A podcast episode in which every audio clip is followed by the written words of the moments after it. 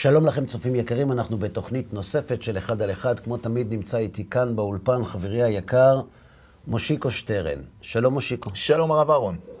עכשיו שאתה אומר חברי היקר, אחרי התוכנית הקודמת, סגרנו את הפינה. אפשר להתקדם הלאה? אני מאשר את זה בשני התיקים ואפשר להתחיל. טוב מאוד, טוב מאוד. מעניין מאוד, דרך אגב. מי שהפסיד מוזמן בסדר. לקחת את זה שוב. מה נשמע? ברוך השם, הודו להשם כי טוב, כי לעולם חסדו. אתה יודע, הרב, אני מסתכל רגע על ה...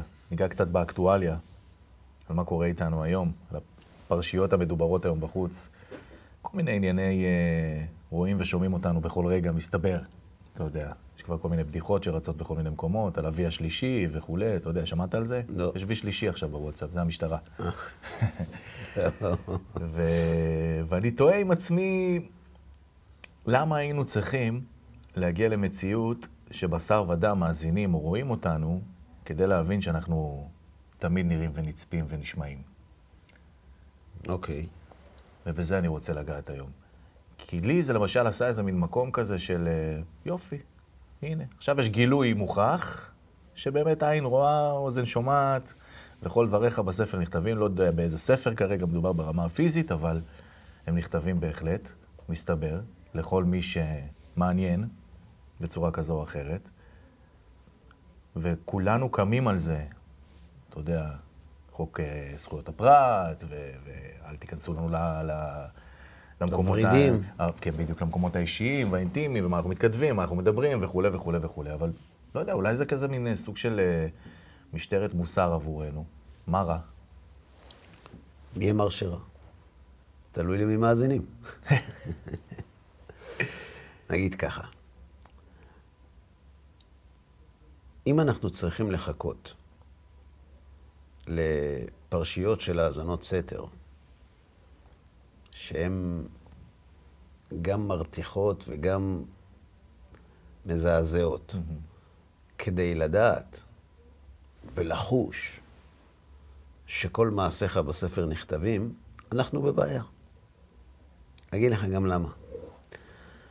הגמרא מספרת שלרבי יוחנן היה תלמיד ששמע אותו אומר, דורש, עתיד הקדוש ברוך הוא להעמיד אבני קדקוד בשערי ירושלים. מה זה אבני קולקוד? אה, יהלומים. שלושים אמה ברום שלושים אמה. זאת אומרת, 15 מטר על 15 מטר, בלוק, יהלום. איפה הוא? לגלג עליו אותו תלמיד. אמר היום הרב, קצת הגזים. ונסע לקרחי הים, וראה מלאכים שחוצבים אבנים יקרות. אמר להם, זה לשם מה? אמרו לו, כתוב בפסוק, ושמתי קדקוד שמשותייך. האבנים האלה נחצבות כדי להעמיד אותם בשערי ירושלים. אותו תלמיד, שכנראה היה בעל השגה, ראה מלאכים, חזר בזה, סיים את זה, חזר לישיבה, ניגש לרבי יוחנן להגיד שלום עליכם, אמרו שלום.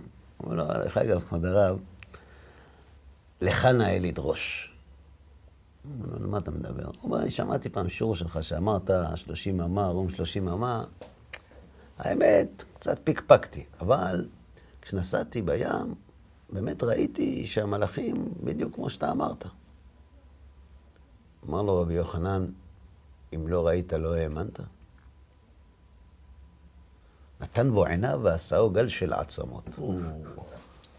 אז בוא נעזוב רגע את הסוף של הסיפור, בסדר? כן. מה זאת אומרת, אם לא ראית, לא האמנת? מה, מה, מה הייתה הביקורת של רבי יוחנן? זה הרי כל כך אנושי. כשאתה שומע מהרב אומר דבר כזה, רבי יוחנן, אבל אדם אומר דבר כזה, אתה אומר, שמע, לא, לא, אין תקדים. נכון. אין תקדים לדברים כאלה. כן. אז כשהאדם משיג בחושים את הדברים, זה נותן לו חיזוק. מה לא בסדר בזה? נכון. מה זה אם לא ראית, לא האמנת? אנחנו בני אדם. אומר רבי יוחנן לאותו תלמיד, כשאנחנו מעבירים את יסודות האמונה מדור לדור, את מעמד הר סיני, מדור לדור, זה דבר שניתן להוכיח אותו. ניתן להוכיח אותו. ואם אתה מגיע למצב שהמציאות שמגלה את פניה בהתאם למסורת שלך, גורמת לך לאיזה חיזוק באמונה, נו, מה רע?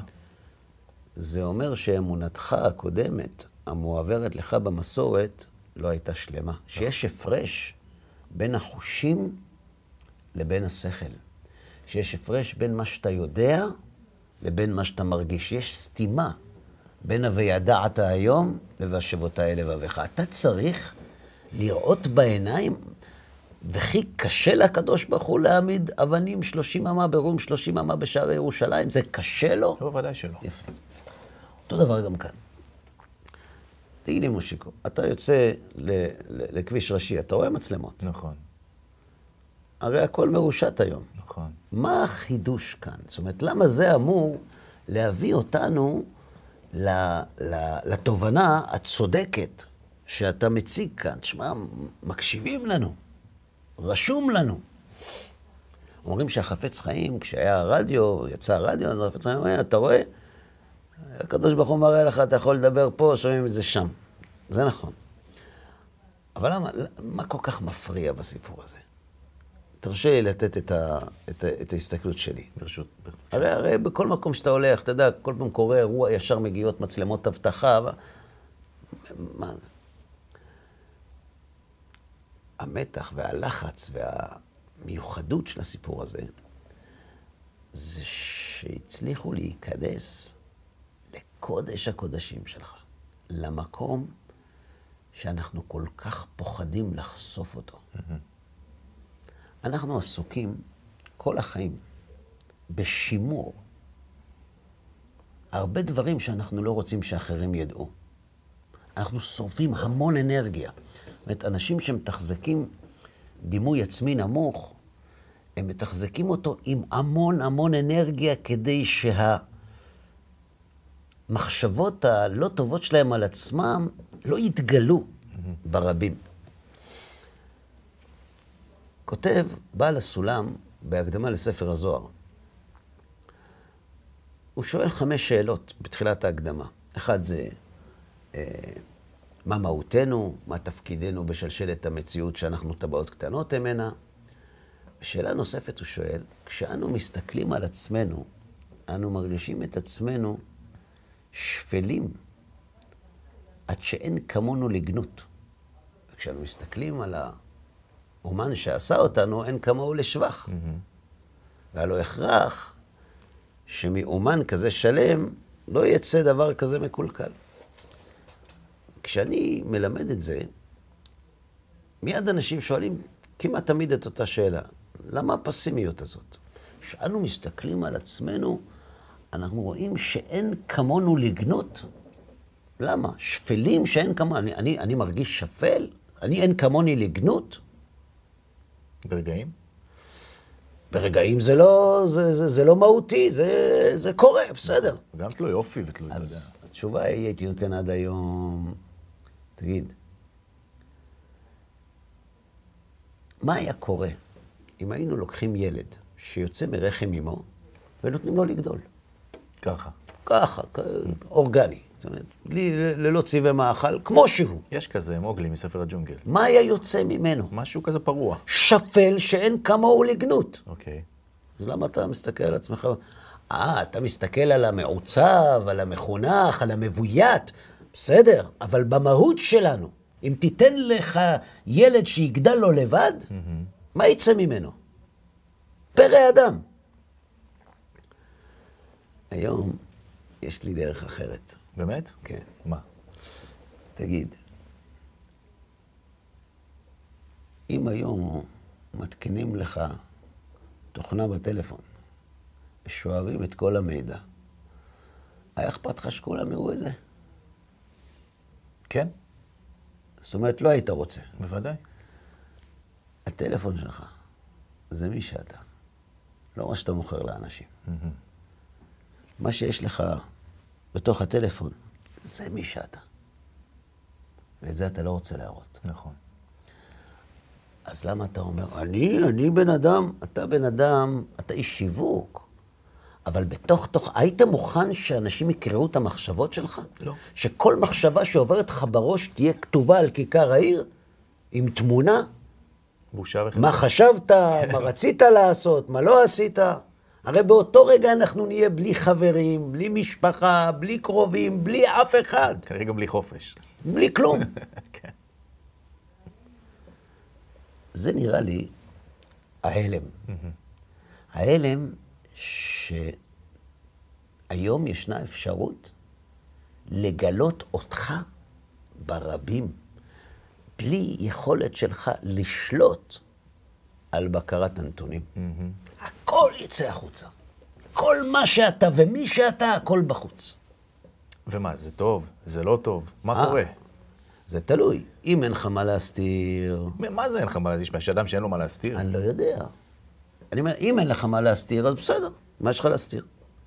אבל אם יש לך מה להסתיר, הרי גם אדם שהולך עם טלפון טיפש, איך אמרת קודם, הטלפון שבמוח שלו, כן. זה עניין אחר כבר.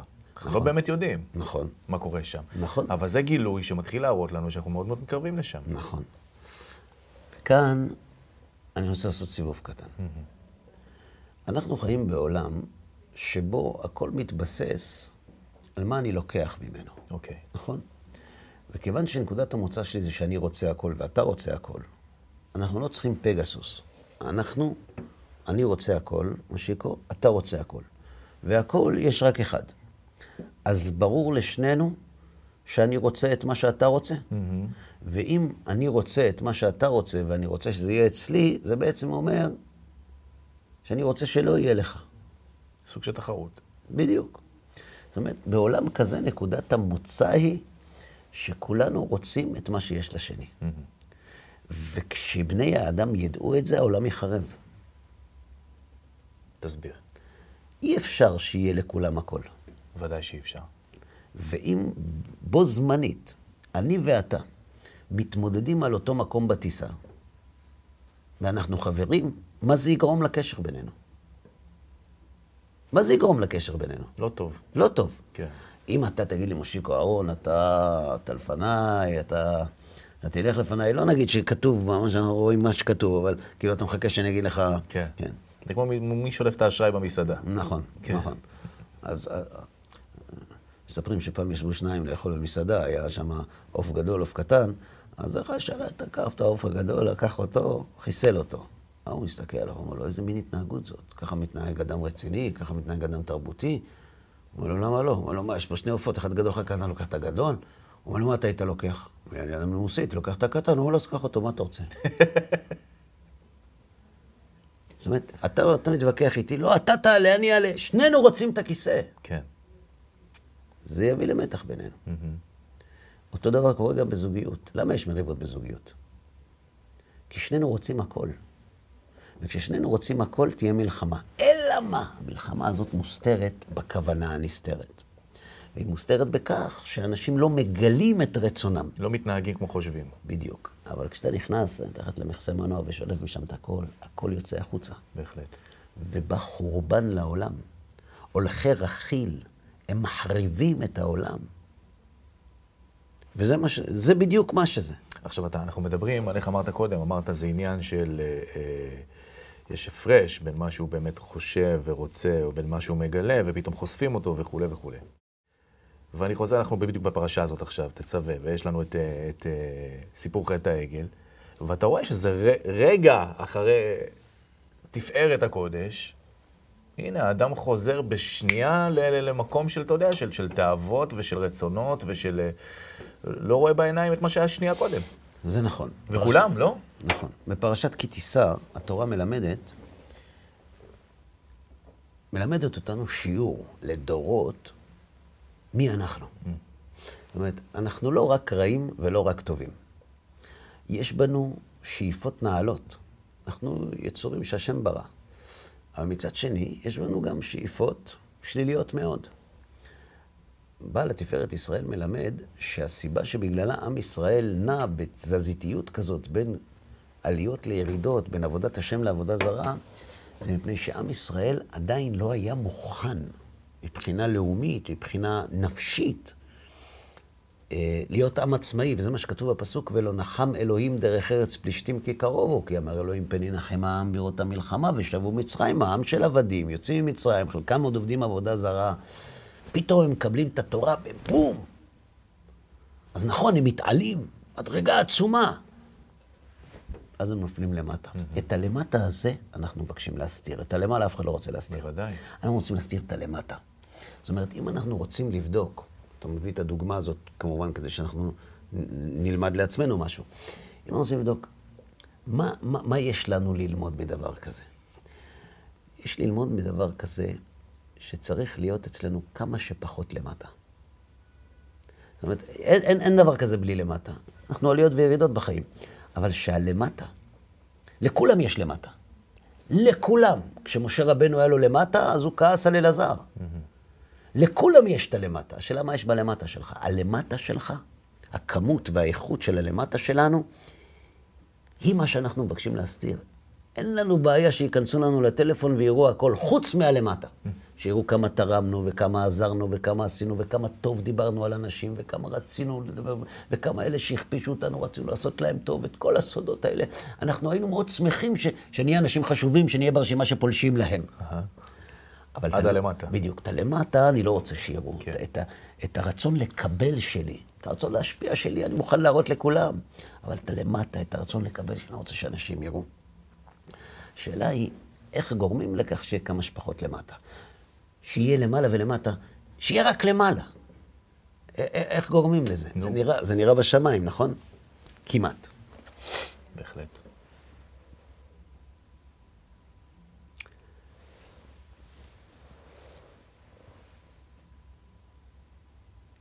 אם היו אומרים לאנשים שמאזינים להם, שמאזינים להם, איך הם היו מתנהגים? כמו אנשים שמאזינים להם. רק למעלה. רק למעלה. אין למטה. כן. הם מדברים טוב על כולם, נכון? כי מאזינים לך עכשיו. כן. אתה לא צריך להגיע לזה. אתה אומר, שמים לאנשים מצלמות בבית. אתה נמצא בבית שזה שיש לנו מצלמות. איך תתנהג?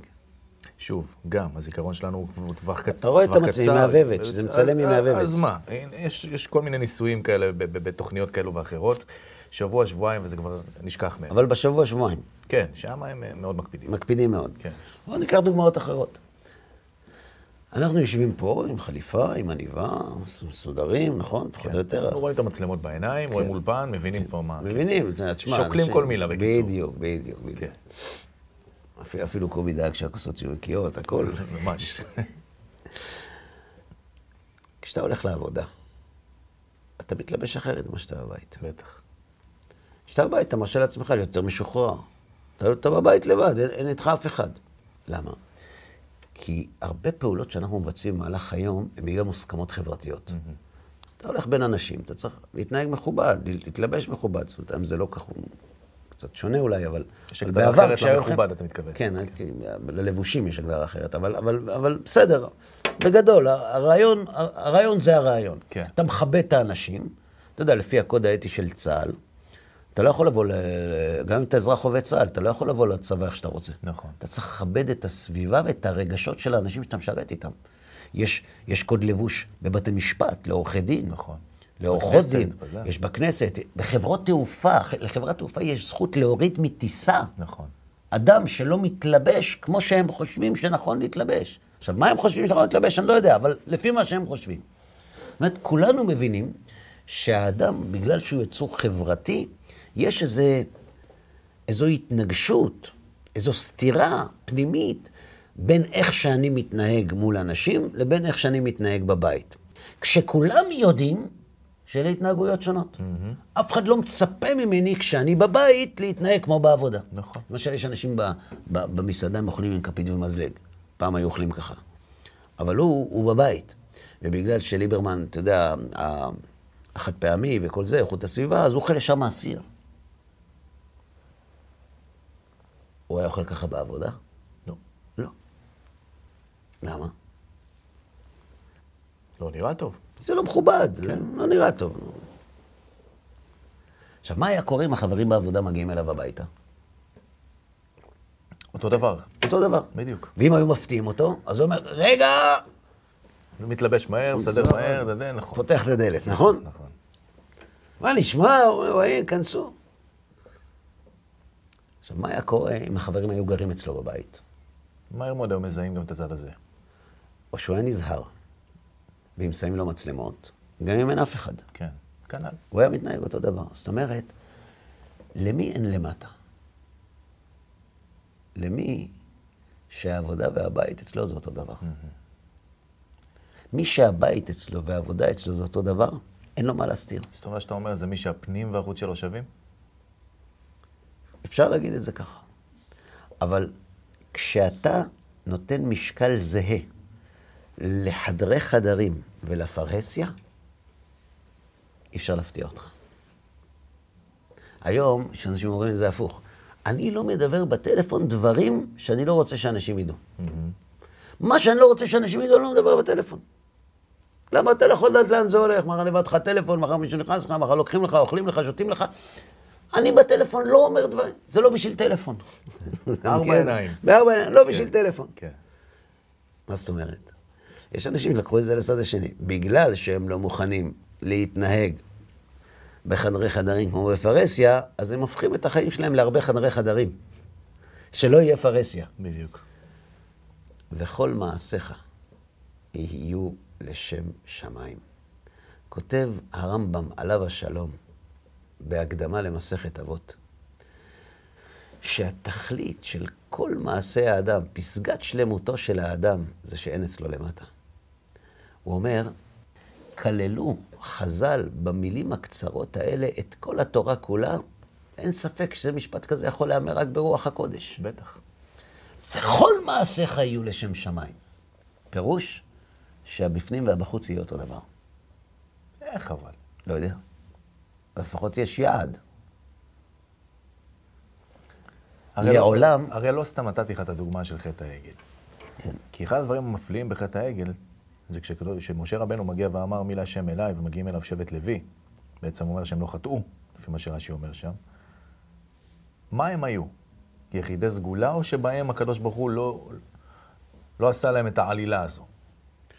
חטא העגל זה חטא חמור בזמן עשייתו, אבל לאחר שהאדם שב בתשובה על חטאו, הוא לא מתבייש. הוא שב עליו בתשובה. החטא גרם לו להתעלות. כשאדם חוזר בתשובה, הוא לא מתנתק מהעבר שלו. העבר הוא עבר. השאלה אם העבר הזה היה הכנה למצב שאתה נמצא בו היום, או הפוך. מה יש להתבייש? זה, זה, מה שאתה מראה לי, מה שהייתי, בגלל זה אני היום מי שאני. אז מה זה אומר? אז חזרה אני חוזר לנקודה הזו בכוונה. אז מה היו הלוויים? הם היו אובר צדיקים, הם היו כאלה שהקדוש ברוך הוא דווקא בהם לא רצה לגעת, או דווקא להם לא נתן את הזכות לתשובה. אתה שואל שאלה חשובה. אתה שואל, למה שבט לוי לא חטאו בחטא העגל? כן. זו השאלה שלך. מה, איך הם, תשובה. איך להם אין את הלמטה, כמו שאתה אומר? תשובה. ועוד, אתה יודע. הם עבדו על זה. במצרים הלוויים לא השתעבדו. הם לא עבדו עבודה זרה, הם לא הושפעו מתרבות מצרים, הם ישבו בחממות, הם, הם, הם לא היו חלק, הם לא, הם לא רצו לקבל green card. הם לא רצו להיות חלק, הם ידעו שזה זמני, שאנחנו עומדים לצאת מכאן. הבטיחו לנו, פקוד יפקוד אלוהים אתכם, זה יבוא. אנחנו רוצים לצאת מכאן, אנחנו לא רוצים להישאר כאן, אנחנו לא קונים דירות באמריקה, אנחנו לא משתעבדים לתרבות האמריקאית, אנחנו מחכים להזדמנות שנוכל לברוח מכאן ולחזור לארץ ישראל. כשאדם גדל בגלות, והוא לא נותן לתרבות הגלותית לשלוט בו, והוא לא משתעבד פיזית ולא רוחנית, כשהוא יוצא ממצרים, הוא מוכן לקבלת התורה. עם ישראל, אמרתי לך קודם, יצאו ממצרים, הם לא היו מוכנים לקבלת התורה. הם היו עם של עבדים, הרמב"ם כותב את זה, גם במורה נבוכים, האבן עזרא כותב את זה, המלבים כותב את זה. הם לא היו מוכנים למלחמה, הם לא היו מסוגלים להילחם. תחשוב, עם שעשרות שנים נולד לתוך עבדות, חוזרים הביתה בערב, לא יודעים מי יפגשו בקירות ומי ליד השולחן. פתאום עם כזה מקבל עצמאות, יוצא לחופש. איזה חוט שדרה לאומי יש לו? איזה חוט שדרה רגשי? איזה חוט שדרה נפשי יש לו? הוא, הוא מסוגל להתמיד, לקבל תורה וללכת איתה? הוא זוכר את אוהבות מצרים, הוא זוכר את עבודת מצרים. וזה גם קוסם לו כך כותב איפשהו. רבנו סעדיה, נכון, זה גם קוסם לו איפשהו. במאמר תשיעי באמונות ודעות. וכך כותב גם רבנו בחיי בפרק רביעי בשער הביטחון. זה הגרסא דיאנקותא שהייתה להם. נכון, הם לא שינו שמם, ולא שינו לבושם, ולא שינו לשונם, זה נכון. אבל על ים סוף, מה אמרה מיתת הדין לפני הקדוש ברוך הוא? הללו עובדי עבודה זרה, והללו עובדי עבודה זרה. זאת אומרת, עם שהיה מורגל בעבודה זרה. הרמב"ם כותב שכל תכלית הקורבנות הייתה להוציא אותם מתאוות העבודה זרה. אז עם שהקדוש ברוך הוא רומם אותו למדרגת קבלת התורה. אבל הוא לא הגיע לזה מכוח עצמו. נכון. חז"ל אומרים שאם עם ישראל היה נשאר במצרים, אם הקדוש ברוך הוא לא היה מדלג את הקץ, הם היו נכנסים לנון שערי טומאה, לא היו יוצאים ממצרים לעולם. נגמר הסיפור. אתה אומר, איך הם עבדו את העגל? ואני שואל, איך הם יצאו ממצרים? איך הם האמינו בכלל ב... כן. איך הם יצאו ממצרים? הרי, הרי 80 אחוז, נשארו. חמושים עלו בני ישראל ממצרים. מי עלה ממצרים? מי עלה? השכל אמר, תישאר פה. עד שהתבססת, קיבלת ניירות, יש לך דרכון, נהיית אזרח. תישאר פה. לאן אתה הולך? ארץ צייה ושוממה, לאן אתה הולך? אז אתה אומר, איך הם חטאו בחטא העגל? על זה אתה נתפס. אני שואל, איך הם יצאו ממצרים בכלל? איך הם זכו לקבל תורה? חטא העגל זה טבעי, זה כל כך מובן. העם הזה עדיין לא היה בשל, כותב התפארת ישראל, לתורה האלוהית שנחתה עליו. זה בא אליו מלמעלה, זו תורה מושלמת שנחתה על עם שעדיין לא היה בשל, לכן יש לו הרבה עליות וירידות. אבל אם אנחנו חוזרים לענייננו, חז"ל אומרים שהבסיס לפניקה שיש בציבור מהאזנות זה חוסר ביראת שמיים. נו בטח, אז מה? נו ברור. איך זה קשור? חז"ל אומרים, אנחנו אומרים את זה בתפילה, לעולם יהיה אדם ירא שמיים.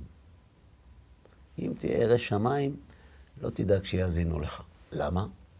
כי המדד ליראת שמיים בסתר כבגלוי. אם יש אנשים שהופכים את כל הגלוי שלהם לסתר, כדי שיוכלו לעשות מה שהם רוצים, היהדות מחנכת הפוך. שכל החיים שלך יהיו חלון ראווה. לא לאנשים, לקדוש ברוך הוא. וכל מעשיך יהיו לשם שמיים. אבל אתה מסכים איתי שעכשיו, כן, אנחנו מדברים על התקופה הזו ובדור הזה, בוא, זה ניסיונות שלא היה לשום דור אחר. מה שיש לנו היום בכף היד. זה, זה, זה לא זה עגל אחד. נכון, אבל אני לא מקבל זה, את זה. זה עדר עגלים. זה נכון, אבל אני לא מקבל את זה. זה נכון. זה נכון שזה ניסיון גדול. אבל אני, אני לא מקבל את זה. כל האמירות האלה שמעולם לא היה ומעולם לא היה, זה, אני לא מקבל את זה. תסביר. כי אנחנו, אנחנו א', חיים... לא היינו בעבר, אנחנו כן, יודעים. אבל, אבל אתה יכול לקרוא. אנחנו, אנחנו חיים בתקופה... כמה אנחנו חיים? 80, 90, 100 שנה, אנחנו... חזרה בשלה יש רק בימינו. לא נכון. גם בימי תור הזהב בספרד, בעקבות הפילוסופיה, הייתה חזרה גדולה בשאלה. גם בימי רבנו סעדיה גאון הייתה חזרה גדולה בשאלה. כשר... כשרב אשי, חז"ל אומרים, כשרב אשי אמר לתלמידים שלו, לימד אותם על אלה שאין להם חלק לעולם הבא, אז הוא אמר, מחר נדבר על מנשה. בלילה בא אליו מנשה המלך בחלום. אמר לו, מה מנשה? אני חבר שלך? חבר של אבא שלך שאתה קורא לי מנשה? תגיד לי, את הלחם בשבת, מאיזה צד בוצעים? אה, את החלה, מאיזה? זה המבחן שעשה לו בחלום. מנשה לרב אשי. כן. רב אשי, עורכי התלמוד. אומר לו, באמת לא... לא יודע. אז הוא אומר לו, אתה לא יודע מאיפה מוצאים, בוצעים את החלה. אתה קורא לי מנשה. חברה ענך, חברה דאבוך ענה. אני חבר שלך, חבר של אבא שלך, מה אתה קורא לי מנשה? אז אמר לו, טוב, תענה לי, אז תגיד לי, מאיפה? הוא אמר לו, מאיפה. הרב צדוק הכהן מלובלין מסביר על זה מהלך גדול, אבל הוא אומר לו, כיוון דחכים תוכו להי, אם הייתם כל כך חכמים, מה עבדתם עבודה זרה? נו באמת, אלה אלוהיך, אני לא מבין אותך. אתה לוקח עבודה זרה, שם בבית המקדש, נו באמת. מה זה עבודה זרה? אמר לו מנשה, אתה שופט אותי? תאר לעצמך שהיית חי בדור שאין בו תאוות בשרים. בכלל. מלאכים, כן. תלמידי אפלטון. אין, אין, אין, לא, לא. מישהו מספר לך איך היה נראה עולם שיש בו תאוות בשרים, שעל פי פרויד הוא הבסיס לכל ההתנהלות של האדם בחיים. כן, כל תנועות הנפש. כן. ואין דבר כזה. מישהו מסביר לך, לוקחים עץ ומשתחווים לו. הזוי. נו באמת, אם ראשונים כמלאכים אנחנו כבני אדם, אנחנו צריכים לפקפק בזה. כן. אומר לו מנשה המלך, באיזה דור אתה חי? יש נבואה בדור שלך? אין נבואה. נכון. עבודה זרה יש בדור שלך? אין עבודה זרה. אז איך אתה שופט? אם היית חי בדור שלי, אתה היית מרים את שולי גלימתך כדי להגיע, לתפוס מקום על הטריבונה למטה. או-אה. התאווה של העבודה זרה לא נתפסת לנו היום. כי אין את התאווה הזאת.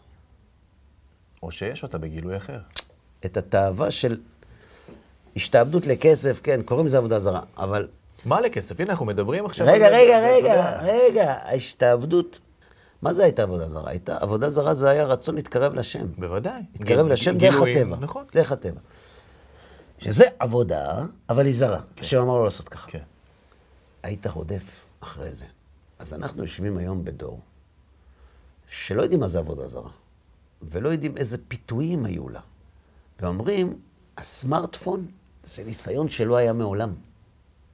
למה? אצל אברהם אבינו ישב מישהו עם סמארטפון. באוהל. כתוב. איפה? מה? תסביר- מה אמרת לא? עכשיו. כתוב במדרש. אברהם אבינו, מה הוא היה עושה? 5G, מה היה לו שם? חמש, כן. אברהם אבינו, היה לו אוהל עם ארבע זה, היה מכניס אורחים. מה הייתה המטרה שלו? להביא אותם להאמין בשם. נכון, נכון. אכל, שתה, אומר לו, תודה רבה לך, מה, מה אתה אומר לי תודה? מאיפה יש לי כוח להביא לך? אני לא מגיע לקדוש ברוך הוא. ישב אצלו בן אדם בן 90. הוא אומר לו, תגיד תודה, תודה, לא, תודה להשם. מוציא את הסמארטפון, סליחה, את העבודה זרה שלו מה... מה שקוטה מחזיר. הוא לא היה צריך ללכת לעבודה זרה. זה היה לו בטלפון. הבנתי מה אתה אומר. בכיס. זה היה לו אצלו. התאווה של עבודה זרה הייתה כוח גדולה, בן אדם היה חייב לו איזה אליל בכיס שלא להתנשק. אפילו לא נכנסים זה לבית המקדש, לא? כאילו, זה זה היה... לא, גם זה. עבר את הים פסל מיכה. את הים בדרך להר סיני עבר פסל מיכה. אז נכון שהחטא הוא זמין היום, זה נכון, אבל זה לא דבר חדש. המקרה השתנה, לא העצם. זאת אומרת, התמונה השתנתה, לא התוכן. כן, אבל אז זה היה משהו לא מדבר, טיפש. אתה מחזיק איזה פסלון ב- ב- בכיס, בסדר. זה באמת נשמע לא הזוי. מדבר טיפש, אתה מדבר על דור שהייתה בו נבואה. אנשים הגיעו לנבואה בדור הזה, בדור שעבדו ככה עבודה עם זרה. הפסל, עם העץ? ממול הפסל, היה אדם יכול להגיע לנבואה. אתה אומר לי, זה מדבר, זה, זה, זה, זה מה זה, ברזל. אתה מדבר על דור שאנשים היו מגיעים להשגות רוחניות. מה זה סמארטפון ליד זה? יראת שמיים, זו הסיבה לפחד. מישהו ירא שמיים, הסתר והגלוי אצלו אותו דבר. לעולם יהא אדם ירא שמיים. למה לעולם? כל מקום שכתוב לעולם זה שאי אפשר אחרת. לעולם יעסוק אדם בתורה ומצוות שלא לשמה שמתוך שלא... לעולם ילמד אדם את בנו... לעולם זה אבסולוטי. חייב ככה, אין דרך אחרת. כן. אתה רוצה להגיע למצב שאין לך למטה, שאין לך מה להסתיר? תהיה ירא שמיים. כשהקדוש ברוך הוא נמצא לידך, אכפת לך שמאזינים לך? לא. יש משהו שלא היית עושה אם היית יודע שמאזינים לך? השם נמצא לידך. אתה צריך יותר מזה? הרי למה אנחנו רוצים לבדוק אם מקשיבים לנו? כי אני רוצה לומר או לעשות דברים שאני לא רוצה שידעו. נכון. אבל אם אתה, אתה לא בודק, אתה יודע שעומדים לידך. זה יראת שמיים. יראת שמיים זה לא דמיונות. יראת שמיים זה להרגיש, לחוות שהשם נמצא פה. זה יראת שמיים. בסתר כבגלוי. מי שיש לו יראת שמיים, שיוויתי השם לנגדי תמיד. מי, שזוכה לזה. אין, לו טלפון. אה, אין לו למטה למעלה. קח, קח, תחטט. בבקשה, תפתח, תסתכל, מה יש להסתיר? הלחץ שלנו והפחד שלנו מה, מה, מה, מהגילויים האלה מעיד מי אנחנו. מעיד שיש לנו הרבה למטה. שאנחנו חיים המון למטה. כל אחד עם הלמטה שלו. לכל אחד יש את הלמטה שהוא מסתיר, והוא לא רוצה שאף אחד יגיע לשם. והתורה מחנכת אותנו. והיית רק למעלה, ולא תהיה למטה. זאת אומרת, יראת שמיים זה לא עוד משהו בארגז הכלים שלנו. יראת שמיים זה שידוד מערכות. זה להפוך משפלים שאין כמונו לגנות, לחשובים שאין כמונו לשבח. אתה יודע, הרב סמלאי, בתלמוד הבבלי, אה, מדבר על, על העובר ברחם אמו, mm-hmm. למה הוא דומה וכולי. אז מהר"ל מפראג מסביר, למה הוא מביא טבלת כדוגמה? כי הוא אומר שיש אנשים שאומרים שאנחנו לא חשובים. אנחנו, כמו שאמרתי, סמרטוטים, אנחנו, אם יפתחו לנו אותם מתחת למכסה מנוע, מה ימצאו שם? קוצים או ברקנים. כן. אז, אז אתה רוצה להגיד לי שאנחנו אנשים חשובים? עד כדי כך שאנחנו מעניינים את הקדוש ברוך הוא, אם עשינו מצוות או לא עשינו מצוות, אנחנו לא חשובים. אנשים שיש להם דימוי עצמי באדמה, הדבר הראשון שהם מפסיקים לעשות זה מצוות. Mm-hmm. כי אני לא חשוב, אם אני לא חשוב, את מי זה מעניין מה שאני עושה? אין לזה שום משמעות, אני יכול לעשות מה שאני רוצה. Mm-hmm. אומר להם רב סמלאי, הסיבה שבגללה אתם חושבים ככה, והיא אגב נכונה, האדם שאתם רואים מול העיניים באמת לא שווה הרבה. אין כמוהו לגנות. אבל יש לי חדשות בשבילכם. זה חיקוי. זה לא מקורי. מה זאת אומרת? אדם מחזיק ביד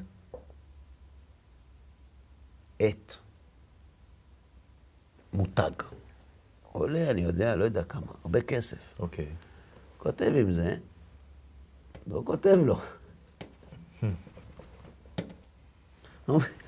זה עולה אלפיים דולר. אני העטים שאני מביא מאלי אקספרס, אני... זה, על מה אתה מדבר? נו. זה ש... על זה משלמים אלפיים דולר? עובדים על אנשים בעיניים. זה מזויף. כך. טוב. כותב. לא, אל תסתכל על המזויף, תסתכל על המקורי. למה הוולד דומה במעי אמו? לרחם אמו. לעובר עוד אין יצר הרע. אתה מכיר אדם שיש לו יצר הרע, יש לו למטה. מי שיש לו למטה מרגיש שהוא לא חשוב כי, כי יש לו תאים אפלים שהוא מסתיר, שלא יצא משם שדים. אבל ראית פעם איך נראה בן אדם שאין לו למטה? זה מלאך. אדם כזה, הוא לא חשוב, הוא לא מעניין את הקדוש ברוך הוא. מה אתה מסתכל על אנשים אחרים? מסתכל עליו, על אדם הראשון טרם החטא. לא אחר החטא. Mm-hmm. לעולם יהיה אדם ירא שמיים בסתר כבגלוי. אנחנו צריכים לדאוג, ללמוד, כמו ששאלת, מה לומדים מזה? אנחנו צריכים ללמוד מזה שאנחנו צריכים לצמצם את הלמטה שלנו מול הקדוש ברוך הוא. שיהיה כמה שפחות למטה וכמה שיותר למעלה. וזה מה שאמר רבי יוחנן. אם לא ראית, לא האמנת. מה אתה צריך לראות בעיניים? אתה צריך תוכנת ריגול כדי להבין? הקדוש ברוך הוא, הנוטה אוזן הלא ישמע, יוצר עין הלא יביט. הקדוש ברוך הוא נתן לך את הראייה, אז הוא לא יודע מה אתה רואה. יש לו את הקוד. נתן לך את השמיעה, הוא לא יודע מה אתה שומע. אתה מושתל עם רוג, רוגלת איזה, אתה כן. מבין, אתה בא- מה- יוצא מהחברה, זה לא ששתלו לך, זה כן. מהחברה, זה סיני, זה מהחברה אתה יוצא עם, ה, עם, ה, עם, ה, עם התוכנת ריגול. נכון. מה חשבת שאתה מדבר בטלפון? הרי הכל מוקלט, מראש. זה צריך ללמוד. עלינו, לא על אחרים. בוודאי. יש הרבה שאומרים, זה קורה בגלל זה, זה קורה בגלל זה, זה קורה בגלל זה. רבי ירוחם ממיר היה אומר שהכל קורה בגלל דבר אחד. בגלל שכל פעם שקורה מה שאנחנו אומרים זה בגלל זה ולא בגלל זה ולא בגלל זה. כן, מחפשים מה. כן. אה, לא מה בגלל זה, מה מכסה מנוע שלך. נכון. השאלה אם מי שמאזין לטלפון שלנו וישמע את השיעור הזה, יפסיק להאזין. אתה יודע למה? למה? כי אז הוא שמאזינים גם לו. חזק. ואז הוא ישאל את עצמו, איפה אני בסיפור? כן. אני רוצה להיות למטה, או אני רוצה להיות למעלה? ותדע לך, יש אנשים שחיו ככה. יש אנשים, אני זכיתי לראות אנשים, טוב, אני לא חוקר לב, לא בוחן כליות, Mm-hmm. אבל אתה יודע, יש אנשים שאתה... על פי התנהגותם, אתה לא רק על מבין. פי התנהגותם, אתה פולש להם לחיים בלי שהם ידעו שמישהו אמור להגיע. אוקיי.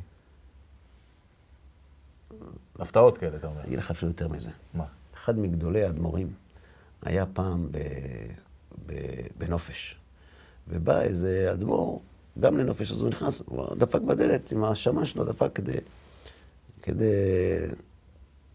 כדי להיפגש איתו. היו אומרים על האדמו"ר הזה שהוא לא הכי למדן, כאילו, לא מבין הרבה וזה. אז לפני שהשמש דפק בדלת, הסתכל. הוא ראה אותו יושב ולומד. אז דופקים בדלת, דלת נפתחת, האדמו"ר יושב, האדמו"ר נכנס, רואים את האדמו"ר עם עיתון. עיתון. זה כבר מדרגה יותר גבוהה. זה לא רק אחד שאין לו למטה, זה אחד שרוצה שגם את הלמעלה שלו לא יראו. ויש אנשים כאלה. לעולם יהיה אדם ירא שמיים בסתר כבגלוי. שגם הגלוי שלו יהיה סתר. זאת אומרת, שהוא יחשוש שמאזינים לו כי הוא לא רוצה לשתף את האחרים בהשגות שהוא משיג. שלא י- ייתנו לו כבוד בשביל זה, שזה יהיה הכל לשם שמיים. לכן תראה שהמקובלים הגדולים לומדים בסתר. נכון. אתה לא רואה אותם לומדים. תמיד רק אחרי מותם, וזה. כן, ואתה רואה אותו, זה קורה פה קצת, שם קצת, ככה. פתאום מוצאים זה- איזה תיבת אוצר עם בדיוק, מכתבים, מאיפה ו- זה? נכון. אומר בעל הסולם, תורת הקבלה היא תורה שמלמדת אדם להיות מקבל. להיות דומה להשם. מקבל על מנת להשפיע, להיות דומה להשם. ולכן ככל שאתה עוסק יותר בתורת הקבלה, אתה מסתיר את עצמך יותר. כי אם ידעו עליך. אתה לא תוכל להיגמל מהרצון לקבל של ה... אגו. זה אני כזה צדיק, זאת אומרת, עכשיו גם גילו אותי וגם אני לא רציתי, זאת אומרת, זה בכלל משהו, משהו. קבלת קהל וכו'. כן. לכן הם היו מסתירים את עצמם. יש אנשים כאלה. גם היום יש אנשים כאלה. פעם, פעם, גם היום יש אנשים כאלה. אנחנו יכולים להיות כאלה. כל אחד בדרגתו. שיהיה לנו יותר למעלה וכמה שפחות למטה. ואז לא נתרגש שמאזינים לנו. חזק וברוך. בסדר? עכשיו תוכל לבדוק את הטלפון. תודה רבה לכם, צופים יקרים, שהשתתפתם איתנו בעוד תוכנית של אחד על אחד. אנחנו מאוד מקווים שהדברים יהיו לתועלת, לפחות לשנינו, ואולי גם אם תרצו להצטרף. בעזרת השם, נשמח להיות כאן בשבילכם, גם בתוכניות הבאות. כל טוב לכם ולהתראות.